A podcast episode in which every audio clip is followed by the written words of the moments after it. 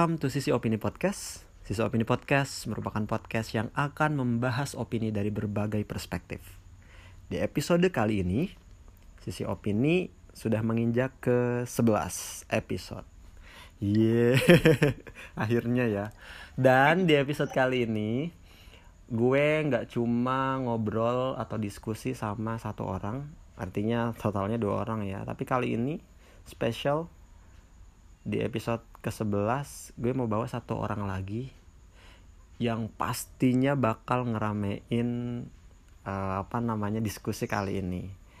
Ya, kalau biasanya cowok-cowok, ini gue tambahin satu gender yang berbeda ya. Yang jelas pasti cewek dong. Jadi nanti pasti perspektifnya juga akan jauh lebih berbeda daripada perspektif gue sama teman gue satu lagi ini. Let's introduce our new member. Ada Ajeng. Halo Ajeng. Halo, wah ternyata aku jadi member. Berasa member ini ya. Berasa member ini, berasa member ini. Aku harus bayar berapa? Untuk jadi member di sini tenang Jeng, free kok. By the way, gue kenal Ajeng ini tuh karena dikenalin Fikar nih. Dan oh ya, satu lagi langsung aja deh gue present. Ada Fikar juga. Hello Fik. Halo, halo, halo, halo. Jadi ya, jadi gue di eh, apa namanya kenal Ajeng, Ajeng tuh gara-gara Fikar gitu loh. Terus karena ternyata kemarin minggu kemarin kita sempat ngobrol-ngobrol gitu diskusi sampai berjam-jam ternyata nggak kerasa. Itu bukti kalau Ajeng ini juga orangnya asik dan ya jelas dong pastinya punya frekuensi yang sama dalam beropini dan menyampaikan perspektifnya gitu loh. Dia punya ciri khas tersendiri. Pokoknya nanti dengerin aja deh ya. Well hari ini kita mau bahas apa guys siapa Fik? Oke, jadi hari ini kita mau bahas sesuatu film. film Ya. oke Film. kenapa film ini sampai bisa dibahas Nama film ini nama nama filmnya Cuties. Nah, kalian para pendengar pasti udah pernah dengar lah ya Cuties itu apa. Dan pasti kayak udah ada bayangan lah dikit-dikit Cuties itu film macam apa. Cute nah, ya tapi gue mau Oke. mau bilang dulu nih, kenapa kok Ajeng bisa ada di sini?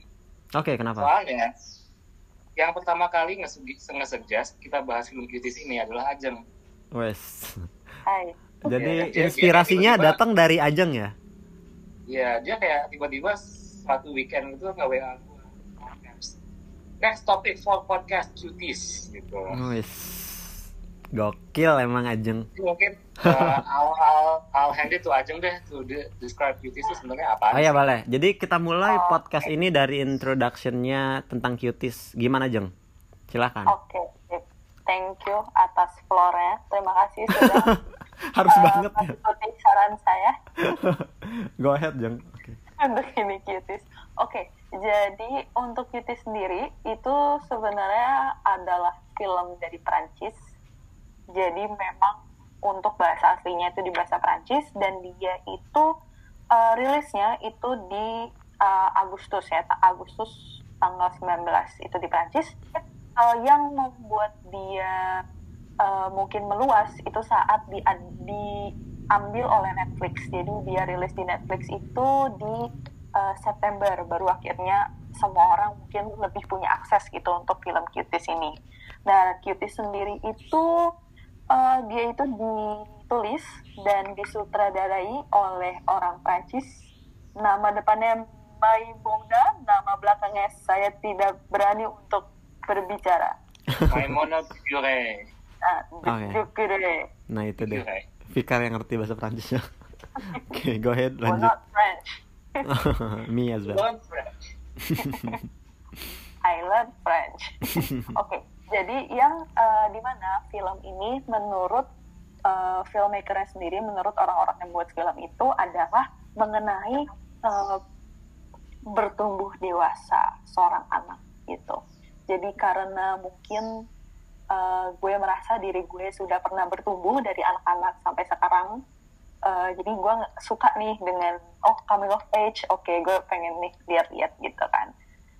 Nah, jadi singkatnya cerita tentang Cuties ini, eh, jadi ada tokoh utama kita itu adalah Amy. Jadi Amy itu kita kira langsung diperlihatkan kalau dia itu eh, tinggal di eh, suatu kayak bagian yang memang minoritas kalau misalnya di Prancis gitu dan dia uh, memang punya uh, karakter itu adalah dia memiliki agama uh, Islam gitu. Jadi di situ kita ngeliat kalau dia memang ikut kajian dia memang ikut bersama orang-orang lain yang memang tinggal di gedung itu. Jadi itu memang satu uh, seperti satu komunitas lah. Nah dia itu tinggal di situ sama ada ibunya ada adiknya dan juga ada satu sosok yang uh, cukup dibilang apa ya powerful atau berkuasa itu disebutnya di situ onti di subtitlenya sih onti gitu. Dan uh, lambat laun di film itu kita tahu kalau misalnya si Amy itu juga tertarik gitu dengan adanya uh, satu di satu apa ya grup dance gitu di sekolahnya dia yang namanya tuh cuties atau minions. Gitu. Hmm. jadi di sini tuh uh, dari filmmakernya itu sebenarnya dia pengen pengen ngasih tahu tuh ngasih lihat kalau gimana tuh si Amy itu kayak dia tumbuh dewasa di lingkungan yang kayak culture-nya tuh uh, bukan kontras sih nggak yang kayak hitam putih atau mana yang bagus mana yang jelek tapi dua-duanya itu sama-sama kental dan dua-duanya itu sama-sama uh, mungkin bisa menarik dia atau menjauhi dia gitu loh. Jadi culture itu apa culture dari family-nya dan culture dari uh, apa teman-temannya gitu atau society pada umumnya gitu. Dan kenapa ini bisa menjadi besar? Itu sebenarnya itu karena dia tuh begitu dia dilihatkan begitu dia masuk ke mungkin Netflix itu tuh dia menuai banyak banget kontroversi. Jadi Vic gimana nih kontroversinya yang akhirnya uh, lo dapetin gitu? Oke, jadi ngomongin kontroversi sebenarnya ada tiga tiga poin main point ya yang kita bakal bahas nanti. Apa sih ini kontroversial banget? Nah, si Ajeng bilang kan ini sebenarnya film-film ini aslinya dari Prancis ya. Dia cuma blow up pas Netflix pertama kali market film ini. Nah, kontroversi pertama itu sebenarnya bukan filmnya sendiri, tapi posternya. Lebih tepatnya lagi poster yang dikeluarin Netflix. Nah, poster yang dikeluarin Netflix itu kalau kalian lihat itu menunjukkan beberapa anak kecil dengan pose yang lumayan sugestif. Itu yang bisa gue bilang. Nah, pose-pose ini ditambahkan dengan usia anak-anak sangat muda inilah yang bikin orang kebakaran jenggot lah istilahnya. Nah, lanjut dari sini, ternyata di filmnya juga ada ada banyak uh, shots atau apa ya istilahnya uh, scene scene-scene film yang men, yang menunjukkan anak-anak kecil ini penari dengan gerakan yang menurut gua dan banyak orang lain tidak layak atau sangat uh, hyperseksual. Inappropriate ya. Inappropriate ya, thank you Jay. Inappropriate itu. And all this combined itu takutnya film ini malah jadi pedophile magnet. Jadi kayak orang nonton film ini itu, sorry, pedophiles nonton film ini itu for Iya, yeah, you can imagine that yourself. Yep. Wow. Ya, gitu. ya jadi uh, ngomong-ngomong tentang tentang these vulgar shots, kita kenapa nggak kita langsung ngomongin uh, filming tekniknya aja, like the main oh, issues yeah. of this film gitu. Oh ya boleh boleh boleh. Yeah. Mungkin biar lebih ini ya, gue pengen tahu dulu sih sebetulnya uh, apa namanya dari perspektif karena Ajeng kan satu-satunya wanita aja gue nggak bilang cewek ya jeng wanita aja biar lebih berwibawa ya uh, apa ya tentang tadi ya vulgar shotsnya ya kayak pasti lo punya perspektif sendiri nih. Even gue sama Fikar pun punya kan gitu. Nah hmm. karena ini kan yang jadi sorotan juga atau yang jadi kita highlight untuk diskusinya gitu loh di filmmaking techniquesnya terkait vulgar shots. Apa yang lo uh, apa ya kayak yang lo pikirkan sih pada saat lihat vulgar shotsnya di film? Betul sih. Jadi kalau misalnya emang vulgar shots ini uh, sama yang emang menuai kontroversi dan mungkin banyak orang tuh the big issue gitu loh dari shot-shot yang memang uh, vulgar. Jadi sebenarnya hmm, kalau misalnya uh, gue sebagai gue itu juga penikmat film, memang gue nonton film itu ngelihat kayak ceritanya, kayak kira-kira message apa sih yang mau diambil gitu loh. Dan uh, sebenarnya gue dapatlah ada sisinya di mana gue mungkin bisa melihat diri gue uh, sebagai Amy gitu sebagai seorang mungkin perempuan yang dia beranjak dewasa dan dia mungkin ada uh, apa ya berada di culture yang sama-sama kental dan sama-sama berbeda gitu. Nah tapi eh, memang kalau misalnya untuk shot-shot tertentu yang menurut gue itu pun gue sebagai wanita wanita ini gue gue underline pun juga ada saat-saat di mana gue juga ngerasa uh, itu tuh kayak agak membuat gue tidak tidak apa ya un uncomfortable tidak nyaman gitu hmm. nggak nyaman dan uh, mungkin ada apa namanya kayak apa ya harusnya tuh mungkin ada batasan di mana apakah itu perlu gitu ya di, diperlihatkan seperti itu gitu loh sampai uh, mungkin ada adegan di mana dia pun sampai kepikiran untuk uh, me, apa ya mengirimkan atau menyebarluaskan uh, private partsnya si Amy itu kepada ituan luar. Dan di satu sisi pun uh, apa satu sisi juga mikirnya hmm, apakah itu shot-shot yang seperti itu tuh uh, harus ya? Maksudnya harus untuk uh, di, digunakan atau di diperla atau bukan diperlakukan kayak ditampilkan gitu dalam film. Kenapa nggak misalnya di uh, trailer aja gitu di trailer supaya orang tuh kayak misalnya uh, dia uh, ini nih kayak gini nih wah ini kayak kontroversi nih kayak jadinya harus nonton tapi ternyata misalnya di film tidak seperti itu kayak clickbait gitu loh hmm, hmm. kayak gitu sih okay. tapi ada nggak sih tahu nggak sih kalau misalnya di trailer ada yang tahu nggak sih kalau misalnya di trailer itu ada tapi di filmnya nggak ada itu tuh kayak gimana gitu tuh tahu ada yang tahu nggak sih nah itu kayak gue bisa jawab di oke okay. kalau dari sisi sisi marketing ya kan trailer tuh tujuannya kan buat buat nge-market filmnya biar orang udah nonton filmnya kan hmm. in in marketing kalau misalnya lo nge-advertise sesuatu hal in this case scene-scene itu dalam trailer trailernya trailernya tapi di filmnya ternyata nggak ada itu jatuhnya false advertising dan lo bisa kena sanksi hmm. wow ada sanksinya juga ya ternyata hmm. memang ada peraturan memang ada peraturannya itu hmm. oh, oke okay, oke okay. Jadi emang maksudnya nggak nggak bisa gitu aja ya jadi emang hmm. maksudnya ada ada artinya gitu loh. Iya. Yeah. Karena trailer sendiri kan juga cerminan dari keseluruhan filmnya ya, kayak representasi representasi lah ya gitu loh. Hmm. Gitu. Betul betul. Hmm. Well. Kalau dari lu gue gimana? Oke, okay. kalau dari gue, by the way gue yang paling terakhir nonton sih gitu. Pas dapet suggestion buat podcast ini, gue langsung nonton gitu. Dan sebetulnya ya sama apa ya sama yang tadi aja ungkapkan ya.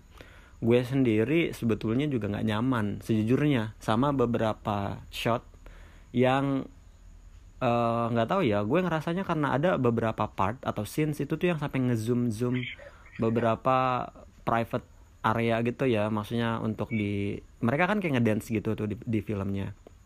Terus emang dance-nya sih udah lumayan cukup vulgar karena ya you know lah ya kenapa gue bilang vulgar usianya kan mereka itu di film itu tuh dikategorikan sebagai anak usia uh, 11 sampai 14 tahun kalau nggak salah ya. Terus uh, mereka itu kayak melakukan twerking ala ala si apa namanya Nicki Minaj gitulah. Di ya you know lah ya di scenesnya Anaconda atau di si, apa namanya di video musiknya uh, apa namanya si Nicki Minaj itu gimana gitu. Ya ya se sevulgar itulah dan itu yang dilakukan sama anak-anak usia 11 tahun tadi. Dan scene-nya itu tuh bener-bener kayak ngezoom parah sih kalau menurut gue. Dan itu yang bikin gue pribadi gue nggak tahu ya kalau yang lain ya tapi gue pribadi khususnya ngerasa cukup terganggu ya. Kenapa terganggu? Ya mereka tuh masih anak kecil terus udah melakukan gerakan-gerakan kayak gitu ya. Di samping pakaiannya juga sangat-sangat super seksi. Uh, ya wajar sih kalau akhirnya tadi yang seperti Fikar bilang itu ngasih jadi apa ya kayak kontroversi buat ya lahan lah buat si pedofilia di luar sana. Buat jadiin ini sebagai salah satu media mereka gitu loh. Itu sih kalau dari gue. Kalau dari lo Fik gimana Fik? Um, kalau dari gue sih gue idem ya sama ide-ide kalian. Gue setuju banget sama semua poin yang kalian bilang tadi. Tapi gue mau nambahin satu sih, satu hal lagi ya. And this is regarding uh, filmmaking proses juga. Kayak, ini kan film 18 plus ya, ratingnya. Hmm. Mm-hmm. Tapi yang gue bingungin ini, ini film 18 plus, intended buat orang nonton ini umurnya 18 plus tapi main aktornya yang melakukan hal-hal vulgar ini semua di bawah umur 18 yes which means mereka anak-anak aktornya ini secara secara langsung nggak sebenarnya mereka nggak boleh nonton film ini Hmm. kayak nggak make sense nggak make sense gitu loh an actor playing in in a movie where they themselves cannot watch Hmm. Yes, Tuh. betul betul betul. Apalagi kan mereka pemeran utama loh ya. Si Emmy ini kan usianya 11 tahun gitu kan. Dan dan dia jadi the center of this movie gitu. Tapi ternyata filmnya untuk 11 plus eh 18 plus. Gitu. And then Vic? sama satu lagi Jay Mhm. tapi i- ini gue dapat dari ini ya pas nonton wawancara ini ya eh, direkturnya si Madam Madame un moment s'il vous plaît Madame quel, quelque chose Lo nyari Madame, nama. Madame, Madame Dugure yang bikin filmnya lah. Nah Oke. dia ini bilang kan bikin film ini untuk warning ke kita sebenarnya culture yang anak-anak ini bikin itu berbahaya gitu.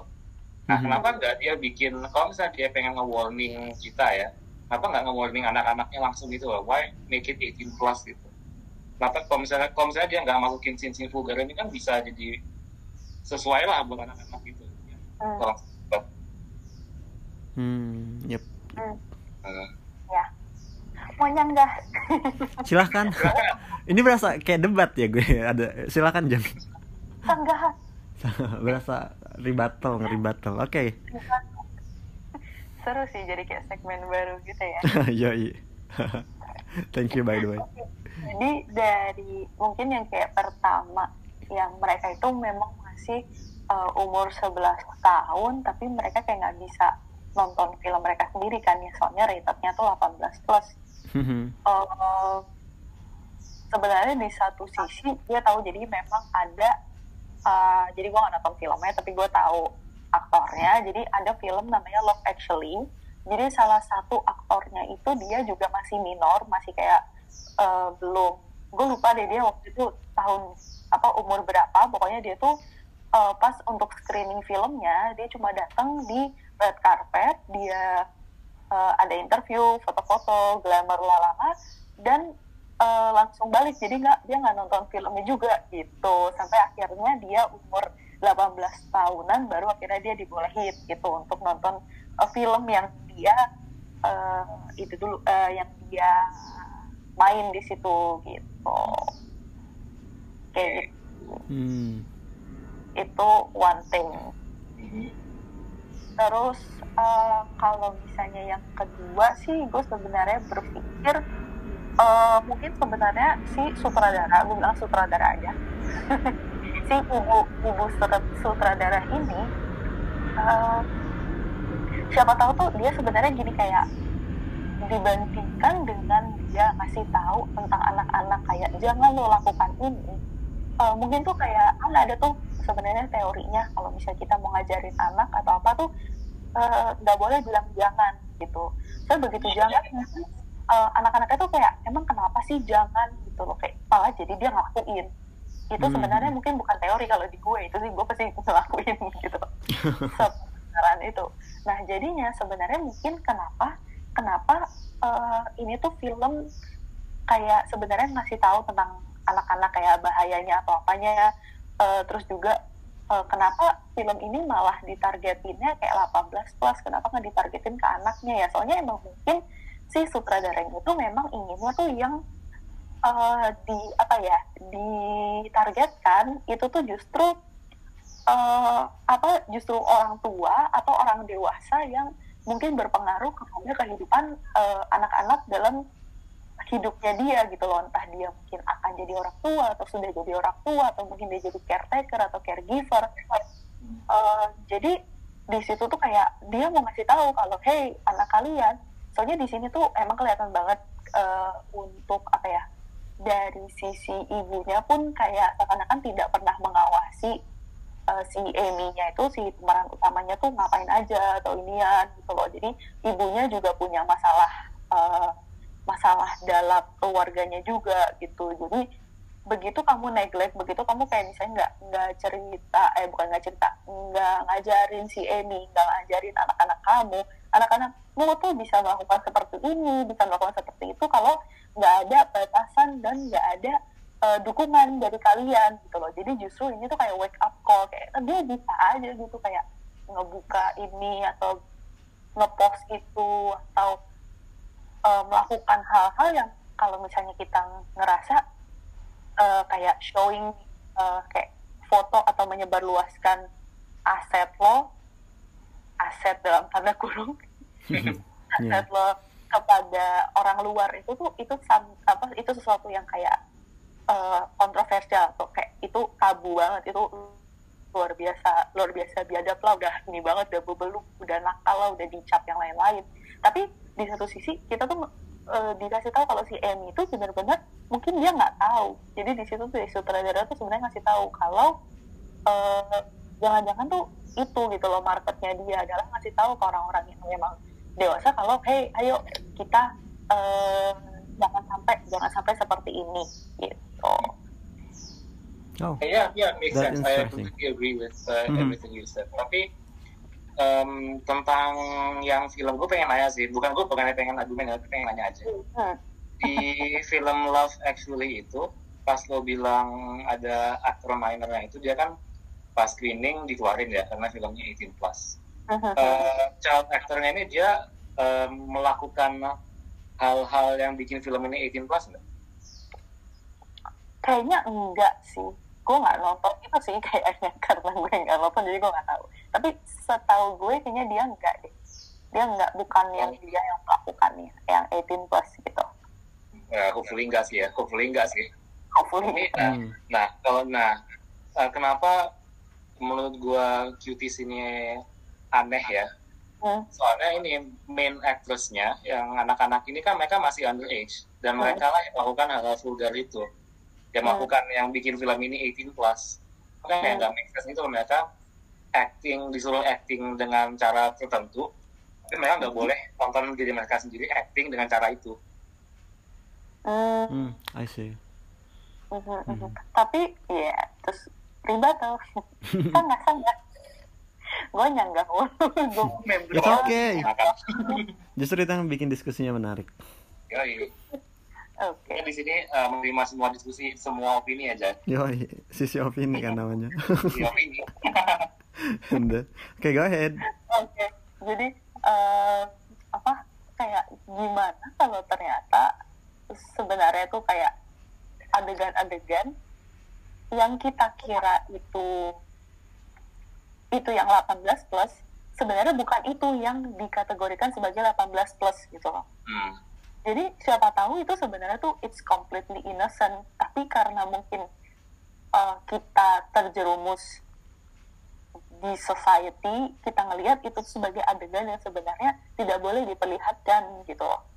Padahal sebenarnya kalau misalnya uh, kayak dilihat lagi di dalam perfilman itu kan setiap kali mereka ada shot ada take ada shot ada take uh, pasti akan mereka lihat lagi dong dengan yes, si sutradaranya masih tahu ke uh, apa namanya ke pemainnya kalau oh ya ini yang kalian lakukan oh ya ini menurut aku kurang ke sini kurang ke sana atau gimana gitu loh. Dan tapi ininya juga sih kita nggak tahu apakah di situ di film setnya uh, apakah dengan anak-anak itu melakukan adegan seperti itu apakah mereka ada konsennya apakah orang tuanya kayak misalnya mengetahui atau misalnya ada kayak entah ada psikolognya atau mereka mungkin dari situ kayak konseling atau ada apa kan itu yang kita nggak tahu gitu loh. Makanya tapi di satu sisi siapa tahu itu bukan yang membuat adegan-adegan adegan seperti itu yang kita kira 18 plus ternyata siapa tahu itu bukan yang 18 plus gitu loh. I mean highly debatable sih. Tapi cuma justru yang yang bikin film ini menarik ini gak sih? Kayak karena saking banyak kontroversinya kita jadi bisa ngebahas banyak hal gitu ngebahas hmm. banyak banyak banyak hal gitu. Hmm. Jadi ngomong-ngomong ini ada hubungannya sama marketing tekniknya mereka nggak sih? Kayak sengaja dibikin apa? Uh, dibikin ya gini dibikin kontroversi gini biar filmnya banyak biar yang nonton gitu. Biar opininya ada dari berbagai sisi. Yap. Mm. benar benar benar. Dan ya berarti ya menurut gue sih kalau kalau dilihat dari oke okay, let's talk about the marketing issues-nya lah ya. Ya. Sebetulnya kalau dilihat dari marketing strategy for me ya pasti sih segala hal yang controversial akan menguntungkan. ya you know lah ya di case-case Indonesians juga di Indonesia ya banyak beberapa Orang Indonesia Jai, Artis. US yes oh, ya. Apalagi Amerika itu lebih parah lagi. Ya, terus kayak apa namanya tadi ya? Ya bagus sih kalau dari segi marketing. Kenapa? Karena ya akan ngundang banyak orang buat tadi makin banyak buat diskusi, terus juga makin banyak orang-orang mengungkapkan perspektifnya, opininya tentang perfilman atau jalan ceritanya tadi gitu loh. Terus eh, ada yang against, ada yang juga setuju, ada yang juga dapat pesannya, tapi ternyata ada yang juga enggak atau sampai berkali-kali baru nonton baru dapat pesannya kayak gitu. Pada akhirnya itu semua tuh kayak menguntungkan si si empunya, si orang yang punya eh, hajatnya ya istilahnya atau yang punya filmnya tadi atau filmmakernya. Kayak kalau kontroversi kan udah pasti ya jadi buah bibir lah ya jadi jadi bahan gunjingan jadi bahan omongan banyak orang semakin banyak orang yang notice ya jelas dong semakin tinggi juga nanti revenue yang mereka dapetin. Karena eh, secara kuantitas kan akan terus bertambah tuh ya baik yang nonton atau yang mengebi- yang membicarakan. Otomatis yang awalnya tadi ngedis ngediskus kayak contohnya ini aja deh. Awalnya kan kalian discuss tuh. Gue belum belum tahu kan kayak gimana. Terus akhirnya gue nonton oh ternyata ya emang semenarik itu sih. Gue pribadi nonton itu tuh kayak emang menarik banget. Walaupun tadi ada beberapa part atau scene yang emang gue ngerasa nggak serak. Eh, bukan berarti gue nggak serak sama adegannya sih. Cuma tadi pemerannya aja yang bikin gue nggak serak tapi melakukan adegan yang menurut gue nggak pantas diperankan oleh eh, anak-anak usia 11 tahun tadi sih kayak gitu. Jadi tapi regardless eh, terlepas dari apa namanya anak-anak tadi dari segi marketing ya mereka berhasil ngebuat ini jadi controversial. Jadi banyak yang eh, diomongin dan ini ngedatangin revenue atau keuntungan buat mereka jauh lebih besar kayak gitu Hmm. makanya booming kan pada saat di Netflix itu yang apa namanya oh ya waktu itu juga kan se- sempat ini juga ya apa namanya eh Netflixnya sendiri minta maaf ya karena apa sih foto posternya ya Ini poster- posternya, posternya. Heeh, kayak gitu dan itu juga menurut gue juga jadi salah satu strategi juga buat kayak oke bikin ini tambah kontroversial dan dan tambah bikin orang eh, penasaran untuk nonton gitu. Tapi Jangankan ya di cancel orang Jay, bahkan apa, pemerintah Amerika aja nge apa, ngesanksi Netflix ini. yes. Hmm. tapi tetap dapat ini kan apa namanya Tapi ya, award makanya dari apa, Sundance ya? Makin naik lagi. Nah, yang dia dapat Nah, awards. Film ini. Apa? ya fi- film ini kan sampai sampai dapat award juga kan dari The Sundance itu Nah, tapi di sini gue pengen ngangkat suatu suatu isu ya. apa itu Film ini gue uh, bahasnya dari segi filmmaking ya, dari Mhm. segi storytelling juga. Dari segi apa sih yang pengen di uh, pesan yang pengen disampaikan lah buat oleh yang oleh yang bikin film ini. Mhm. Viral sih viral, nggak apa-apa. So makin viral makin bagus kan. Like what they say and what you guys said, there's no such thing as bad publicity. Mhm. Tapi ini kan film tuh loh, dengan pesan moral yang sangat baik. Kita coba lihat in the end deh, orang dapat nggak pesan moral itu? Enggak kan? Kayak karena saking banyak, saking saking jeleknya eh, viralnya ini, saking banyak bad publicity-nya, justru malah main point of the film orang malah nggak dapet. Mhm, Oke, terus? Hmm.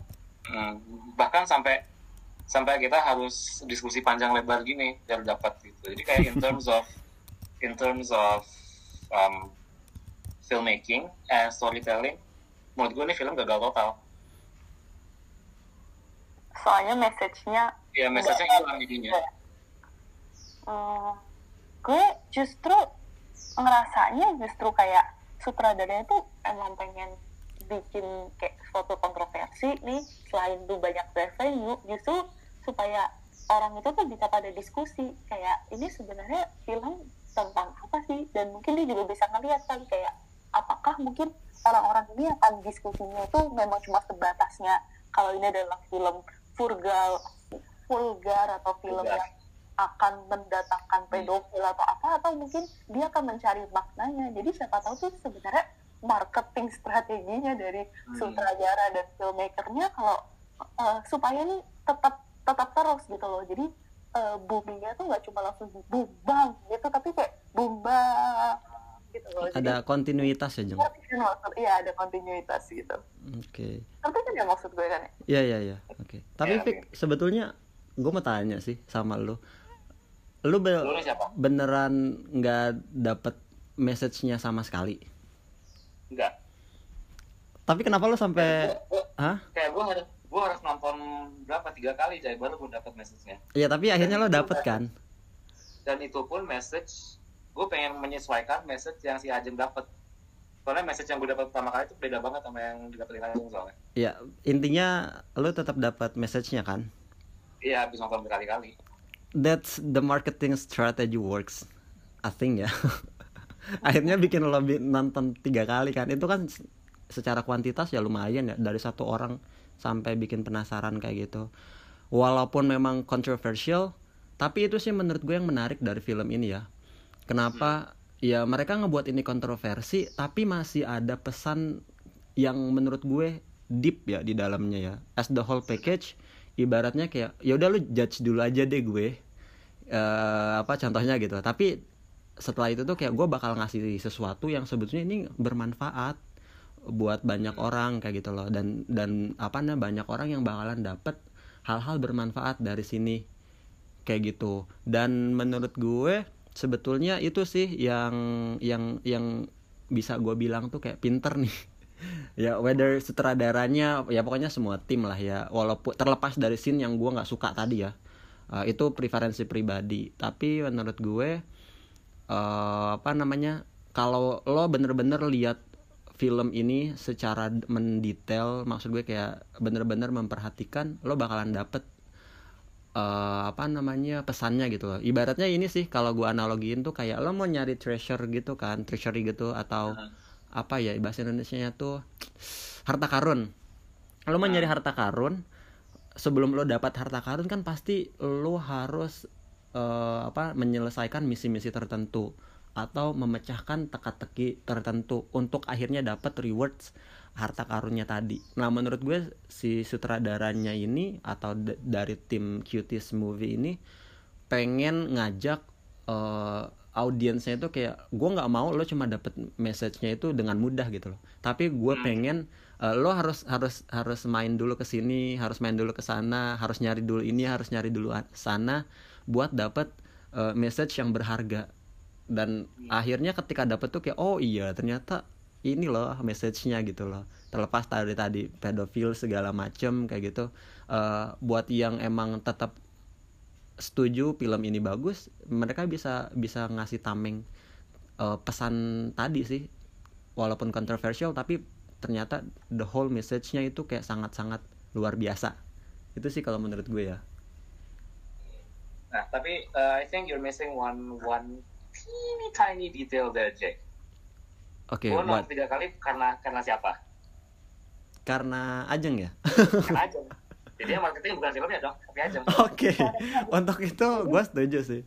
Gue tapi gini gini gue minta revenue juga, Jeng. kenapa kok kenapa kok gue kayak harus nonton tiga kali dan menyesuaikan apa yang Ajeng lihat? Itu soalnya karena gue sebelum nonton film gue udah baca reviewnya dulu oke udah- gua bias udah lah ya. Gitu.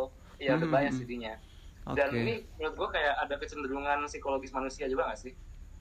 Kayak mana tuh? Kayak kita tuh bakal lebih ngelihat hal-hal kecil yang mencolok dibanding hal-hal yang biasa aja. Kayak misalnya gini di cuties ini kan uh, scene-scene yang inilah yang yang gue bilang vulgar lah ya itu sebenarnya nggak banyak. Paling maksimal maksimal estimate gue 25% dari filmnya Hmm. tapi somehow yang reviewer-reviewer lihat yang jadinya gue lihat paling banyak itu justru scene-scene itu yang Hmm. bikin view gue langsung negatif Hmm, hmm, hmm. ya sih? yep yep ya gitu dan kalau mau gue link ke ke societal pressure ya Mhm. justru gara-gara orang udah saking banyaknya banyaknya mikir film ini negatif susah jadinya kalau mau kita ngasih kritik kritik film ini secara objektif atau yang tengah-tengahnya gitu. Kayak sekalinya kita ngasih film ngasih kritik yang gak negatif kita bakal dihujat bakal di kayak di label pedofil lah di label um, ya gitu di label pedofil lah di label nggak punya nggak punya ras nggak punya rasa lah. Jadi kayak ya kita takut takut jadinya mau ngasih mau ngasih mau ngasih review review yang gak bias. Mhm. Jadi- apalagi kalau di di di Amerika sekarang nih film kayak udah jadi politik banget ya. Gue pernah baca di Washington Post kalau nggak salah. Orang yang nggak suka film cuties itu white supremacist pendukung rasis gitu. Jadi ya siapa yang mau di, dicap itu kan? Makanya kita kalau mau jadi objektif mungkin karena ya pemainnya juga kan Tapi- banyaknya itu ya. Mm-mm. dan parahnya lagi eh, kan lo pernah bilang ya Jay ini film pernah di nominate sorry bukan nominate menang malah menang Sundance The Sundance ya Nah, ya, nah orang-orang Sundance ini bilang, lo orang-orang Sundance mereka sendiri dan bahkan filmmakernya sendiri yang bilang, lo kalau nggak suka film ini artinya lo lo, lo orang jelek, lo white supremacist, lo nggak suka feminis gitu. oke Kayak udah langsung langsung dicap itu, makanya kayak Aha. susah banget kita dapat review yang nggak nggak terlalu bias. Mhm. Hmm. Mhm. Jadi mungkin udah digiring gitu ya kayak Hmm. seakan-akan kalau emang kita mau cari atau mungkin orang-orang justru takutnya kalau dia mau nonton atau mungkin dia pengen cari tahu lebih gitu loh tentang eh, film ini tuh le- jadi apa ya jadi kayak udah takut sendiri soalnya takut dengan label itu takut dicap pedofil lah takut dicap eh, kayak dia suka sama adegan-adegan yang itu padahal ya menurut si Fikar tadi sebenarnya tuh adegan juga cuma sedikit kayak Hmm, 25% maksimal maksimal. Yap, yap. Bet- itu yang yang mereka fokuskan gitu kan dengan Hmm. review-review itu yang jadi ya mungkin kalau udah dengar tentang reviewnya sendiri tanpa mungkin menonton eh, lagi ya mungkin bakal bias kan bakal kebawa Hmm. juga gitu. Yap. Ya kalau mau gue tambahin ya, Mhm. mungkin ini kalian kan anak-anak debat ya, mungkin eh, anak-anak debat yang dengerin podcast ini bakal relate juga. Kalau misalnya tuh? lawan lawan lawan debat kita udah langsung nyerang kita secara personal, Mhm. bakal susah banget gak sih kita untuk melawan mereka secara objektif? Actually yes, tapi kalau dalam perlombaan harusnya masih bisa diri battle sih kalau kayak gitu. Hmm. Tapi tapi kalau misalnya gini, mereka udah nyerang kita dulu sebelum kita ngomong apa apa pun, dan apa pun yang kita omongi, mereka malah langsung nge-label kita hal-hal yang gue bilang tadi. Kalau kayak gitu for me ya that doesn't make sense sih. kalau tiba-tiba langsung nyerang ya tanpa ada satu eh, karena biasanya justru kita nyerang tuh karena karena pertama argumennya Hmm. itu loh. Jadi gitu kayak intinya gini sih kita mau nyerang argumennya tapi mereka nyerang kita dan karena emosi yang udah kita rasakan kita udah nggak mulai nyerang argumen lagi kita malah nyerang mereka jadinya makanya kayak udah ba- langsung bias dua arah jadinya kayak udah nggak nggak objektif lagi Hmm. Iya iya. Tapi tadi ya Fik, kayak society sih maksudnya bukan debat as in like kalau misalnya kita debat itu memang kita ada kayak ini apa out of topic dikit kayak debat itu ada kayak pembicara ini pembicara itu jadi kita ada Bagi-bagi. waktunya satu masing-masing tapi kalau Yes. misalnya di mana kita ada eh, apa namanya saat di mana kita mungkin mau berargumentasi tapi kita langsung kayak dijudge atau langsung dibalikin lagi atau langsung dibanyakin itu memang banyaknya terjadi ya eh, apa namanya di sosial media gitu. betul betul. ya, ya itu yang itu yang gue maksud Heeh. Ah, ah. Kalau di perlombaan sih kayaknya nggak akan ada sih ya. Karena gue sendiri belum pernah nemuin langsung orang nyerang secara personal ya. Justru itu yang akan jadi poin minus banget gitu loh. Karena dia nggak Lo- fokus. lo, lo kurang, kurang keluar Jay Kenapa? kurang main banyak Nggak. banget. Kalau kalau di sosial media iya. Maksud gue Fik kalau di sosial media emang iya gitu loh. Kayak kayak orang kan pasti ujung-ujungnya nyerangnya personal. Bahkan kayak ke Iya. fisik lah, ke apalah ke nyari untuk apa namanya ya inginnya menang kan tapi kalau di perlombaan sendiri kalau lo nyerang secara personal itu tuh udah pasti jadi poin minus banget gitu loh. karena lo nggak fokus sama eh, debatnya gitu loh nggak fokus sama eh, apa namanya motion yang atau topik yang lagi dibicarain dan itu ngeri battle-nya akan enak banget buat kayak eh nge-tackle balik gitu Hmm. ada ada satu kalau lagi debat tuh ini ini jadi ngomongin debat ada satu hal di mana si oponen eh, lawan lo tuh bicara tentang satu hal yang lo tuh bisa ngeribat itu kayak rasanya tuh kayak eh Eh, enak banget ya. Oke. banget gitu. dan mungkin itu yang bisa dirasakan Oke. sama orang yang ini gitu loh Betul. Orang-orang yang misalnya dia langsung dia tahu nih kalau misalnya nyata eh, ketahuan kalau oh ini eh, film cuties tuh sebenarnya kayak gini dan mereka tuh ngelihat satu line itu tuh langsung kayak diserang pers- secara personal tapi diserangnya itu dengan memberikan label kayak oh lo suka cuties ya jadi lo pedofil dong lo suka ini ya jadi lo eh, apa namanya itu dong lo kayak eh, melakukan ini dong atau lo tuh orangnya yang kayak gini gitu loh. Jadi kayak ya daripada gue diomongin kayak gitu ya ya udah lebih baik gue ikutin aja gitu Iya. kayak gue nggak sendiri Yes, itu kalau misalkan kita juga nggak bisa ngedefense ya, karena memang eh, ke bawah apa ya, the, the the majority arguments gitu kan. Tapi sebetulnya eh, tadi ya, gue bilang karena karena banyak orang yang notice di film ini tuh pesannya juga powerful. Itu yang bisa jadi tameng sih dari judgement personal orang-orang tadi ya, labeling kayak misalkan lo suka film cuties berarti lo termasuk punya kecenderungan pedofil misalkan kayak gitu. Padahal kayak we cannot judge someone else's langsung kayak gitu kan strict langsung bilang lo pedofil segala macam just because you like one of movies that contains some of ya yang vulgar full, full vulgar yang vulgar vulgar diperankan oleh anak gitu loh.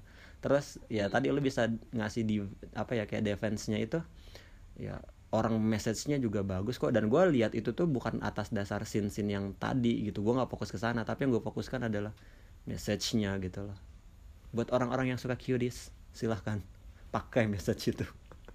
Gitu guys. Tapi ini bukan berarti ini bukan berarti kita di- kita defending scene scene vulgar itu ya. iya Kita tetap nggak kita tetap nggak nggak setuju itu scene ada. for me gue nggak setuju. Ya, me ya. Tapi I hope you I hope you guys as well. Yes. Kayak kan itu yang tadi di awal ya kita tuh juga Iya. ngerasa agak apa kita pun juga ngerasa kayak not nggak nyaman gitu loh dengan adanya scene seperti itu. Soalnya bener-bener kayak jadinya tuh kita nggak bisa fokus ke yang lain. Soalnya itu kayak di zoom. Kayak kalau misalnya kalian pakai Mac eh bukan MacBook Pro apa sih di Mac itu pakai Premiere. Bukan aha Premiere Adobe Premiere. ada Ah, bukan bukan yang di MacBook apa pakai inian MacBook tapi untuk desain eh bukan desain apa edit video itu kan ada tuh eh, final cut ya atau final final cut ya Final Cut.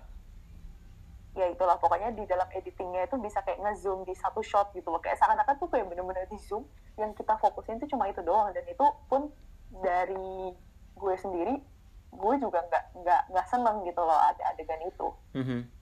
ya I think it's relatable to the social commentary barangkali ya iya, Ya. iya banget. Dan gimana Fik ya, Kalau dari ya. lo? Dan inilah kenapa gue bilang kenapa title ini namanya Needle in a Haystack Situation.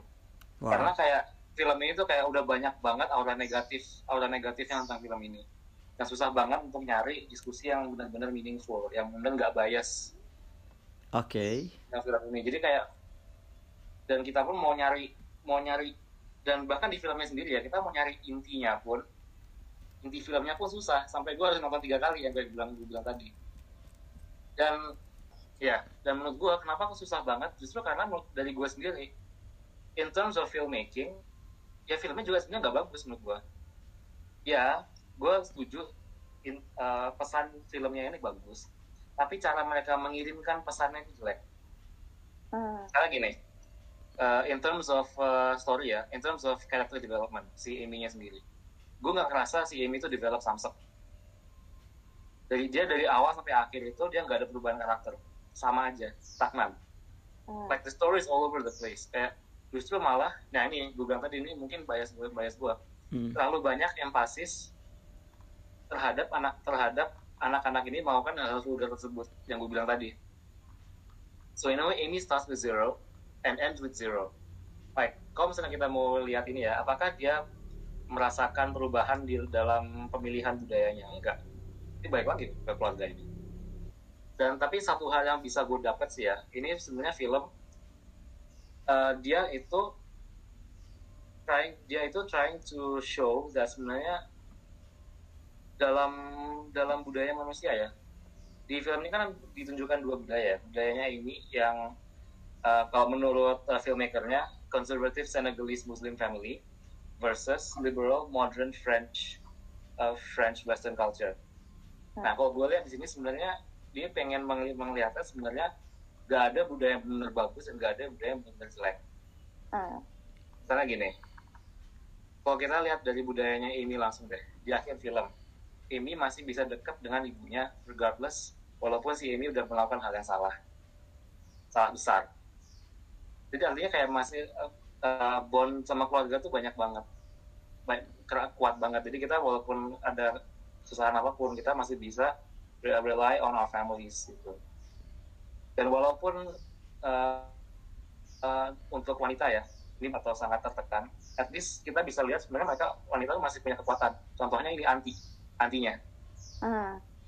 gitu and so, kalau ngomongin tentang western French French western dalam kutip ya soalnya ini gue ngikutin si filmmaker yang ngomong. Di French Western itu uh, ya women are free to choose. Makanya si Amy pergi ke lari ke cuties kan. Mm. jadi dia lebih berekspresif gitu. Dan walaupun tapi walaupun free mereka at least bisa sadar dengan diri sendiri sebenarnya terlalu free itu jelek juga. Makanya dia cerita kan di tengah-tengah cerita sorry si Amy dia melakukan hal vulgar saking ekstrimnya bahkan cuties pun nggak nge-reject dia gitu Mm-hmm. ngerijek nah, ya. tapi ngomongin negatif kita mulai dari sana dari French dulu deh soalnya kita terus ngomongin French ya mm-hmm. si dan ini menurut dan ini menurut gue baru gue dapat um, apa pesan yang mau dia sampaikan oleh uh, Madam ini bukan sutradara ya sutradara deh sutradaranya ini dia salah satu interview dia bilang gini sebenarnya untuk memberitahu kita bahwa kadang bahwa budaya yang diikuti anak-anak zaman sekarang itu modern Western culture itu yang yang diikuti anak-anak itu terlalu seksual, it's overly it's overly sexualized hmm. dan sangat banyak restriction terhadap uh, perempuan yang justru nggak mau seksual nggak mau sexualized banget. Hmm. Ya, yang kayak lo bilang tadi jangan lo kalau nggak sexualized lo nggak bakal bakal diterima sama society. On the other hand, in terms in terms of the conservative Senegalese culture, dengan dalam, dalam kutip iya yeah, they're very patriarchal. Kayak buktinya ini kan uh, si bapaknya ini tuh mau nikah saya jidat terus ibunya nggak mau nggak ngapa-ngapain gitu. Dan mau ngelawan pun nggak bisa kan jadi kayak banyak banget uh, restriction for untuk untuk wanita supaya mereka bisa bebas berekspresi. Oke. Okay. But I mean that, that's that's uh, my opinion though. I'm not sure. Kalau kalian gimana? Hmm, kalau dari lo Jeng, lo dulu deh. Um, Oke, okay. kalau misalnya ngelihat dari tadi itu poin yang paling terakhir tuh kan emang bapaknya tuh ada rencana mau nikah lagi.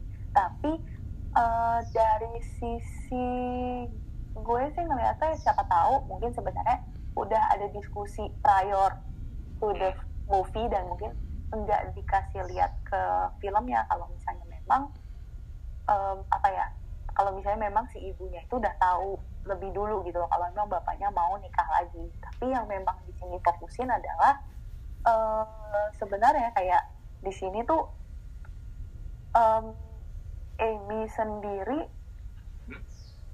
gimana ya kayak bukan Amy-nya kayak ibunya sendiri mungkin uh, bukannya tidak berdaya tapi ya dia masih mengikuti culture yang ini dan dia tuh sudah dewasa jadi dia um, apa namanya sudah tahu gitu loh kayak culture mana yang akan dia uh, apa ya akan dia gunakan gitu akan dia pegang gitu loh. Dari yang kental-kental itu yang dia pegang itu adalah culture family-nya dia gitu. Itu sih jadi yang kayak kayaknya gue pikirin ya Hmm. Tapi kalau memang emang dari culture, meskipun itu memang berbeda, bener sih, uh, gue setuju banget. Semua culture itu pasti ada plus sama minusnya, tapi tinggal kayak gimana kita aja yang tinggal di situ gitu loh. Apakah kita akan menerima plusnya, menerima minusnya, atau kita akan cuma fokus ke minusnya atau fokus ke plusnya aja gitu. Well. Tapi itu kan ah ya. Ini gimana sih? Kalau gue pribadi sebetulnya ya setuju juga sih sama yang kalian bilang gitu. Cuma balik lagi sih kalau ngomongin culture pasti ada hubungannya sama values kan. Hmm. uh, Cuties itu kenapa banyak controversial uh, storiesnya? Menurut gue pribadi sebetulnya karena values yang kita pegang atau per orang Hmm. itu tuh pasti nggak akan sama ya. Akan selalu beda-beda gitu loh. Even ketika kita hidup dalam satu culture yang sama kita pasti akan terbawa sama values ya masing-masing juga gitu uh, per- personal values yang kita bawa gitu loh. Walaupun pakemnya itu di di di culture tadi kayak gitu. Dan why gue kayak against sama beberapa part scenes yang emang menurut gue vulgar tadi ya karena gue punya values eh, tadi apa namanya hal-hal serupa itu bu- merupakan tindakan inappropriate yang dilakukan oleh anak-anak gitu loh. Nah barangkali values atau culture di western sana anak-anak di usia 11 tahun sampai 14 tahun melakukan adegan seperti itu itu bukanlah adegan yang kayak berbahaya atau inappropriate karena ke bawah message yang mau disampaikan tadi yang powerful akhirnya kayak ya udahlah ya dengan contoh yang konkret anak langsung yang memerankan toh juga di western culture-nya masih oke values-nya maksudnya masih oke tuh kayak nerima gitu loh bukan berarti oke ini beneran ya. Values-nya juga eh, apa namanya mereka sama gitu loh atau atau ya emang kayak gitu values-nya akhirnya ya sah-sah aja gitu loh. Cuma karena kita ada juga berada di apa ya di div- di benua yang berbeda udah jelas values yang akan dijunjung eh, sama ah sorry berbeda kayak gitu sih Hmm. kalau lu gimana Fik? Nah, kalau dari gue sih gini, em, gue curhat dikit ya. Mhm. Gue itu in, ter- in terms of uh, dalam sekeluarga gue tuh gue mirip-mirip kayak Amy lah. Kayak hubungan gue sama bokap tuh kurang baik bisa dibilang. Hmm. Dan menurut gue ini kayak film ini ada concern banget sama masalah sama keluarga. Dan Yes, menurut teori psikologi pun, uh, jika ada kegagalan dalam hubungan orang tua, itu pasti bakal ke- imbasnya bakal kena ke anak-anaknya. Dan bakal sulit banget untuk ngontrol imbasnya ini nanti. Jadi kayak ya, nanti gini kalau misalnya um, kayak kayak Amy, kayak Amy gini lah Jay, Hmm. Karena bapaknya hubungan bapak sama anak gak bagus, si Amy makanya jadi jadi bertindak vulgar gini Hmm. dan vulgar dan vulgar selevel ekstrim itu selevel ekstrim itu Oke, dan itu juga merupakan bentuk eh, apa ya? Kayak ibaratnya cara Amy speak up against Iya, kehancuran cara- keluarganya gitu sih. es- escape-nya dia lah Mm-mm. Benar-benar. Karena ada part di mana Amy itu nangis di kolong apa namanya? Kalau kalian ingat ya scene itu. Iya kolong Di kolong apa sih namanya? Uh, Kolong ranjang ya? Kolong ranjang gitu. Yang pas ibunya lagi ditelepon entah itu ayahnya atau ayahnya kayaknya ya. Yang kan bilang itu kayak dia nelfon nelfon kayak kerabat atau siapa Oh, iya, kalau Terus si suaminya tuh nikah lagi. Mm-mm. dan si Amy itu pas pas di part itu kan dia nangis kan. Kayak Mhm. kayak tahu semua pembicaraan. Sebetulnya ibunya tuh nggak sekuat yang Amy kira gitu karena kan yang Amy tahu tuh eh, ibunya kan sampai nyiapin kamar yang super megah gitu kan. Yang khusus buat buat buat apa namanya si ayahnya sama si calon ibu barunya itu.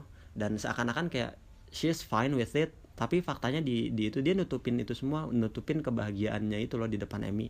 Bahwasannya ibunya tuh nggak bahagia dan Emmy tuh ngerasa kayak lo kenapa sih nggak bisa speak up juga? Ya lo bilang aja kalau misalkan kalau lo nggak suka dia kawin lagi atau nikah lagi lo bilang gitu loh. Nah makanya kayak sebetulnya gue seneng itu pas di part terakhir itu loh. Akhirnya si orang tuanya itu bisa menentukan nasibnya sendiri ya. Kayak punya self determination juga kayak pas si Emmy Emmy yang abis dance itu balik lagi itu si ontinya bilang eh lu make-makean kayak gini tuh ini bahasa ini ya kalau di filmnya nggak gini kok. Ma- pakai pakaian ini tuh kayak eh, mus apa karena dia muslim kan pakaiannya terbuka. Ya dibilangnya kayak sorry itu saya kayak pelacur lah atau apalah sampai mau dipukul gitu kan. Terus si ibunya tuh akhirnya bisa nge- ngasih perlindungan buat si Emmy dan kayak berhasil uh, keluar dari cengkraman atau kontrol ya. Kontrol dari si itu dari si ontinya itu gitu loh. Dia akhirnya bisa meng- mengontrol dirinya sendiri. Biasanya kan dia dikontrol terus kan sama si ontinya. Terus juga dikontrol sama se- sebenarnya bisa secara eksplisit ya. Karena kan kita nggak bisa lihat sosok bapaknya juga berperan gimana. Tapi secara eksplisit dia juga dikontrol sama suaminya kan. Karena dia harus patuh ke bawah ya you know di agama ya di muslim kan kayak wanita harus patuh banget kan sama sama suami gitu. Nah Oh, ini I'm very careful with saying that, Jack. ah yep. Me too as well. I'm I'm sorry to say that actually. Yeah. But it's a fact right? In our religion kayak gitu kan? Ya dan akhirnya eh, apa namanya si itu tuh bisa bisa control dirinya sendiri gitu loh. Dan Emmy pun juga melakukan itu kan. Akhirnya kayak dia kan di endingnya tuh dia nurut lagi sama orang tuanya kan ketika orang tuanya juga bisa ngontrol dirinya sendiri gitu. That's that was very powerful message sih yang gua dapat di scene itu tuh. Sampai kayak wow. Gitu sih pas gue nonton itu tuh. Tapi gua dapat itu juga pas udah ini sih kayak kayak apa namanya pas di scene scene terakhir itu tuh yang gue kayak ngerasa oke ini orang tuh semuanya harus nonton gitu. Sampai gue pengen bilang gitu sih. Mungkin ini, um, sebenarnya kita bahas dari awal deh. Ini film sebenarnya bagus, ya kan? yap Intinya bagus. gue setuju Tapi yang bikin jelek apa? Sosial media. Dan gimana caranya anak-anak itu melihat pop culture zaman sekarang. Hmm. Ya oke kan? oke Mungkin uh, Jong boleh jelasin lebih. Jadi eh, kayak tadi di memang di awal gue ngerasa kalau emang Amy gue itu pernah mungkin ada di posisi Amy meskipun jalan cerita kita mungkin agak sedikit berbeda Mhm. tapi di satu sisi gue ngerasain karena itu tuh dia adalah apa ya kayak bisa dibilang kayak terpaksa untuk eh, menjadi dewasa gitu oke jadi di satu sisi pernah ada yang bilang, eh, bukan pernah ada yang bilang, di satu sisi eh, di scene itu kita ngelihat kalau dia itu yang ngejaga adiknya. Jadi pastinya dia harus lebih dewasa daripada adiknya gitu kan. Dan eh, waktu itu juga pernah kan yang dia akhirnya eh, apa namanya mulai ada menstruasi terus habis itu dari Aldinya bilang oh kamu udah dewasa sekarang gitu. Jadi di situ tuh dalam diri Amy yang masih 11 tahun di ceritanya itu tuh dia kayak oh my god habis kayak gue harus jadi dewasa gue harus jadi dewasa. Tapi dewasa tuh seperti apa gitu loh dan itunya yang menurut uh, gue mungkin bakal relate banget. Soalnya untuk wanita itu entah kenapa kita kayaknya kok selalu dipaksakan atau selalu di uh, entah kita yang pengen diiming-iming untuk jadi dewasa atau kita yang dipaksa gitu loh oleh society untuk kita harus jadi lebih dewasa. Nah di sini Amy tuh punya beberapa orang yang uh, sosok dewasa menurut dia. Di satu sisi dia punya ibunya yang memang dia selalu ada sama ibunya. Begitu dia melihat yang kayak tadi CJ bilang, begitu dia melihat ibunya ternyata breakdown. Itu jangan lupa kalau di situ juga ada adegan di mana ibunya kayak kayak kayak dia mukul diri sendiri gitu masih kayak dia Mhm. bunyi pok pok pok gitu kan Mhm. itu jadi dia kayak ngelihat kalau oh eh, jadi dewasa itu kita harus tunduk sama eh, kekuasaan orang lain atau kita harus menerima keadaan kita tuh dengan eh, baik-baik saja di depan orang lain meskipun diri kita menderita gitu dan mungkin Amy tuh di situ ngerasa gue nggak mau ah jadi orang dewasa yang kayak gitu. Masa orang dewasa kayak gitu sih gitu. Dan akhirnya dia bertemulah dengan si eh, cuties ini loh. Dan di cuties ini dia ngeliat kalau oh mereka itu yang pakai pakaiannya itu yang eh, benar-benar cerah yang benar-benar kayak memikat dan mereka tuh kayak begitu. Ada mereka tuh semua orang kayak terpana melihat mereka kayak lebih in gitu loh. Dan itu tuh ngerasa kalau oh siapa tahu ini sebenarnya dewasanya gitu loh. Dewasa tuh sebenarnya kayak gitu. dewasa tuh nge-rebel. Dewasa itu yang mereka have fun mereka apa senang-senang mereka enggak mau karena mungkin dia ngeliat ibunya dikekang begitu mereka ngeliat si cuties ini minyong di sini mereka tuh sama sekali nggak dikekang dan malah nge-rebel. Mungkin itu yang membuat si Amy tuh tertarik gitu loh. Oh ternyata kayak gini. Dan ngeliat dari cutiesnya dia dikasih tahu kalau nyata yang lagi in banget dan mereka pun uh, kasih tahu kalau oke kita grup dance dan nyata grup dance yang lagi in banget adalah mereka yang mencontohkan gerakan-gerakan vulgar. Baru tuh akhirnya si Amy itu dia uh, coba latihan nari dia coba latihan untuk dance dance vulgar dan dia ngasih tahu tuh ke minionsnya kalau hey gue bisa lo dance yang kayak gini. Dan dari situ akhirnya Amy yang mungkin dia ngerasa terpojokan oleh uh, keluarganya yang mungkin tidak begitu ada harmonis dengan bapaknya. Itu dia akhirnya mendapatkan pengakuan gitu dari si Minions ini soalnya dia bisa mendapatkan dia bisa melakukan hal-hal yang uh, vulgar itu. Dan si agak vulgar dan juga ada di adegan di satu adegan di mana dia ngerasa kalau dengan berperilaku vulgar gitu dia pun akan bisa mendapatkan apa yang dia mau. Meskipun uh, yang dia nggak tahu adalah nyata itu ada batasnya. Kayak tadi mungkin kita udah uh, ngobrolin juga ya kalau nyata dia mau melampaui uh, batas itu gitu hmm.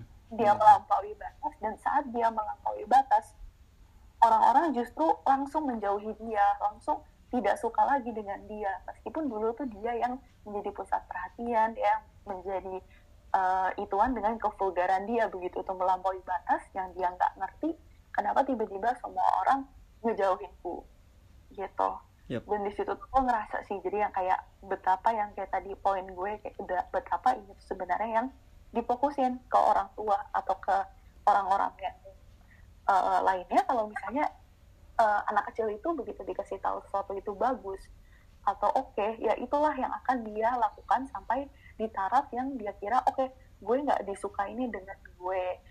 Uh, cuma ber, berpakaian mini. Jadi pakaian gue gue miniin lagi atau gimana gitu. Jadi apa begitu dia nggak tahu batas dia akan melampaui batas gitu. Dan di sini Amy ngerasa terpukul keras kan.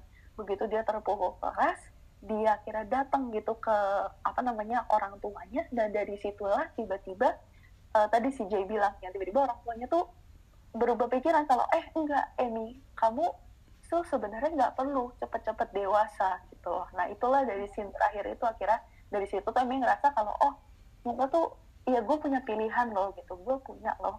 Gue sebenarnya nggak uh, langsung jadi dewasa. Dan mungkin gue bisa uh, mungkin gue bisa kayak uh, bikin dewasa itu kayak menjadi pelan-pelan. Nah makanya dari situ kan dia udah nggak pakai pakaian minimnya ataupun pakaian yang nantinya akan dia pakai ke uh, apa pernikahan bapaknya tuh. Jadinya justru dia pakai baju yang menurut kita itu adalah baju yang pantas biasa dipakai anak-anak dan dia melakukan uh, suatu kegiatan yang biasa kita lihat uh, dilakukan oleh anak-anak gitu kayak bermain gitu bersama teman-teman sebayanya. Nah dari situlah uh, yang uh, menurut gue apa ya kayak ada sesuatu yang kayak berbeda gitu loh dari dari ibunya yang akhirnya ibunya pun uh, ngasih gitu loh ngasih suatu pilihan gitu kepada yep. itu sih yang kayak wah banget gitu ke gue yang akhirnya dia itu ngerasa kalau dia tuh kan nggak perlu cepet-cepet dewasa gitu mm. and she was trying to express herself as well ya mm, mm, mm. Wow, that was very. Gue mau nambahin satu lagi sih sebenarnya. Boleh, boleh. Tentang apa yang Ajeng bilang tadi ya tentang apa sih?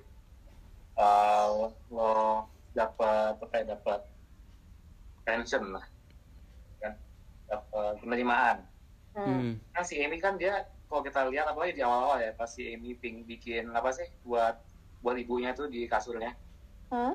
terus ibunya kayak li, nggak lihat langsung dihancurin aja gitu iya langsung disibak hmm. nah menurut gue menurut gue sih yang gue lihat yang gue lihat satu lagi dalam filmnya ini kalau orang tua nggak ngasih uh, apa sih nggak ngasih perhatian ke anak-anak ke anak-anak mereka mereka pasti bakal nyari perhatian di tempat lain dan mm-hmm. tempat yang paling right. paling dicari sorry, paling dilihat paling dicari anak-anak sekarang itu itu sosial media mm. ya kan dan mm. menurut gue sosial media ini bahayanya bahayanya bahayanya adalah mereka itu mengekstrimkan segala hal mm. kayak kayak kalau misalnya kita lihat di ini deh di cuti saja si Amy sampai harus ngefoto aset dia mm-hmm.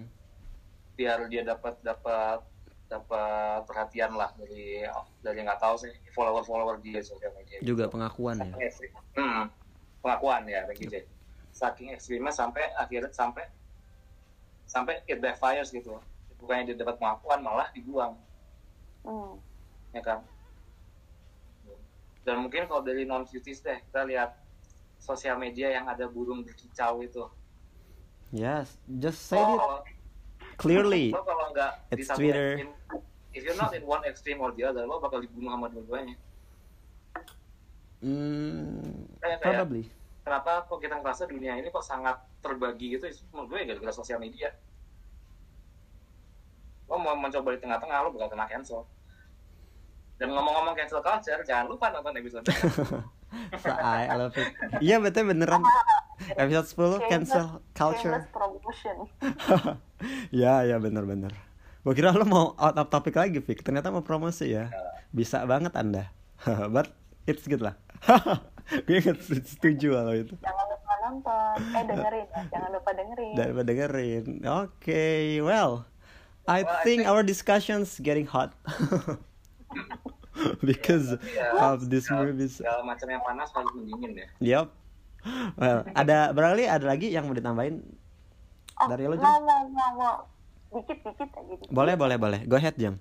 Oke, jadi eh, kita kan tahu nih kalau misalnya emang filmmakernya itu eh, dia memang untuk coming of age story. Terus waktu itu tadi itu Fikar juga bilang kalau dia ngerasa nggak ada nih karakter development dari si Amy. Jadi Amy di awal tuh nol ya, next nextnya juga nol juga gitu loh. Mm-mm. Tapi di satu sisi yang gue ngeliat adalah ya ini adalah coming of age. Kita tuh nggak ngelihat Amy tuh jadi dewasa dan dia punya anak atau gimana. Tapi dia ngelihat Hmm. di sini dia di eh, apa namanya di umur 11 tahun, di ending of filmnya juga umur 11 tahun. Lo dalam umur lo 11 tahun lo ada karakter development apa sih gitu loh. Jadi Mhm. sebenarnya ini bukan sesuatu yang mungkin langsung jadi ada conclusionnya atau langsung ada solusinya di akhir film tapi justru film itu nanti yang kayak oh nextnya dia jadi apa ya setelah dia mengetahui tentang hal ini semua gitu Jadi curious Itu ya. Okay, wait. That's a good point of view as well. Well, I think we come into the conclusions for this episode, and the conclusion will be a closing statement as well. Ya nggak, Vic? on rare occasions ya karena saking saking apa ya saking detailnya episode hari ini kayak jadiin satu aja gitu Ya, betul betul. Oke, jadi lo aja kali Vic yang bawain closing statement or the, this conclusion. boleh boleh boleh jadi eh, mungkin eh, my first well I will say ours ya soalnya kita udah nulis dari kapan kapan tahu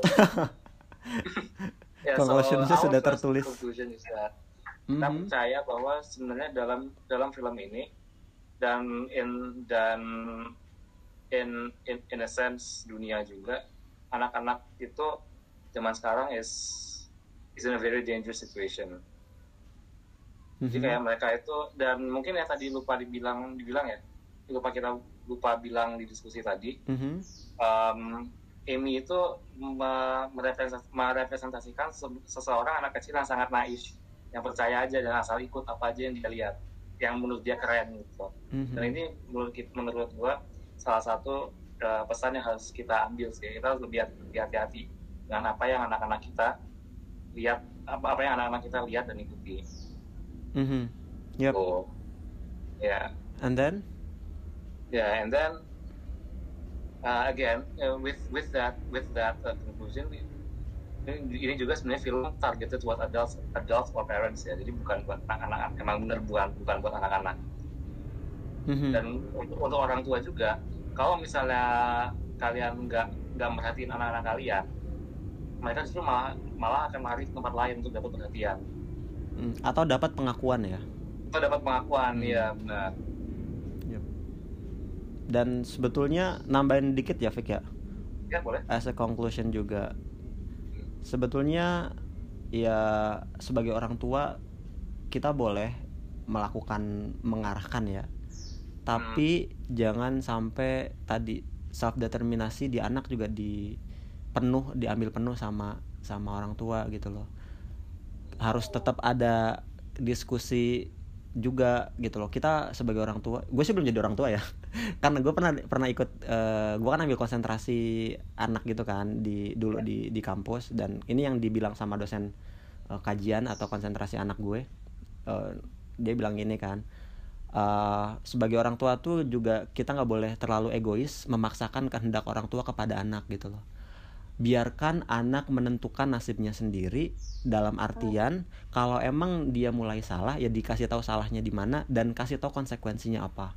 Dan kalau emang eh, apa nah jadi tugas orang tua tuh ya bener-bener nurturing sama bener-bener khusus mengarahkan.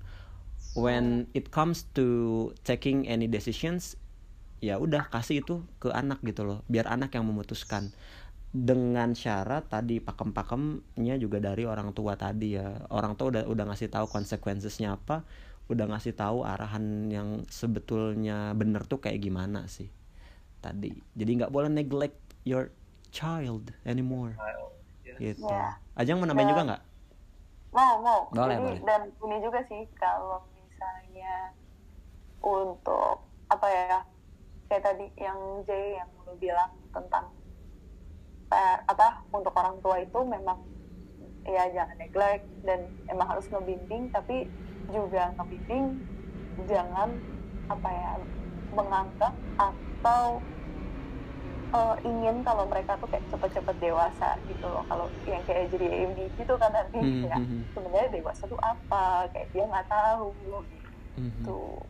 Tapi di sisi lain yang sering kita omongin tadi itu kan sebenarnya lebih ke gimana ini semua ditangkap gitu kan Mhm. sama orang-orang entah mereka akan eh, ngomongin cuma hal-hal yang vulgarnya saja atau mereka mungkin ada ngomongin meaningnya tapi kayak masuk juga ke tadi Jay ngomongin tentang values yang karena ini ada di Netflix mungkin yang sekarang juga sudah mendunia dan orang-orang di dunia pasti beda-beda kan. Ya. values-nya beda-beda perspektifnya tentang film ini. Jadi orang tuh beda-beda gitu loh. Kayak kita aja kita aja yang mungkin eh, dari latar belakang yang kira-kira lumayan banyak lah. Kesamaan aja kita beda-beda gitu Betul. loh untuk ngedapetin filmnya. Ada yang ngerasa ini tentang eh, culture ada yang ngerasa ini harus ditonton tiga kali. Mhm. gitu. Jadi kayak ini aja gitu kayak emang banyak ternyata cara kita menilai sesuatu gitu emang berdasarkan dari values kita gitu Yep. ada lagi tambahan That's what makes people unique. Yep. ya Gua lo udah mengatakan semua yang ingin gue katakan sih Bang. Sama. oh I can Me too. Okay, guys. And Let's get out. let's to get out of here.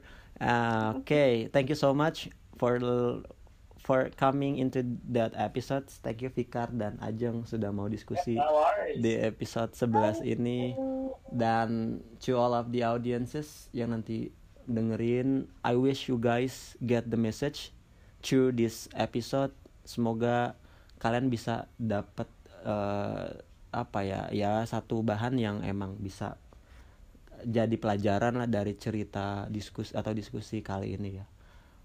Well I think that's all. Gue Jae. Gua Fikar. gue ajang and see you in the next episode. Bye. Bye.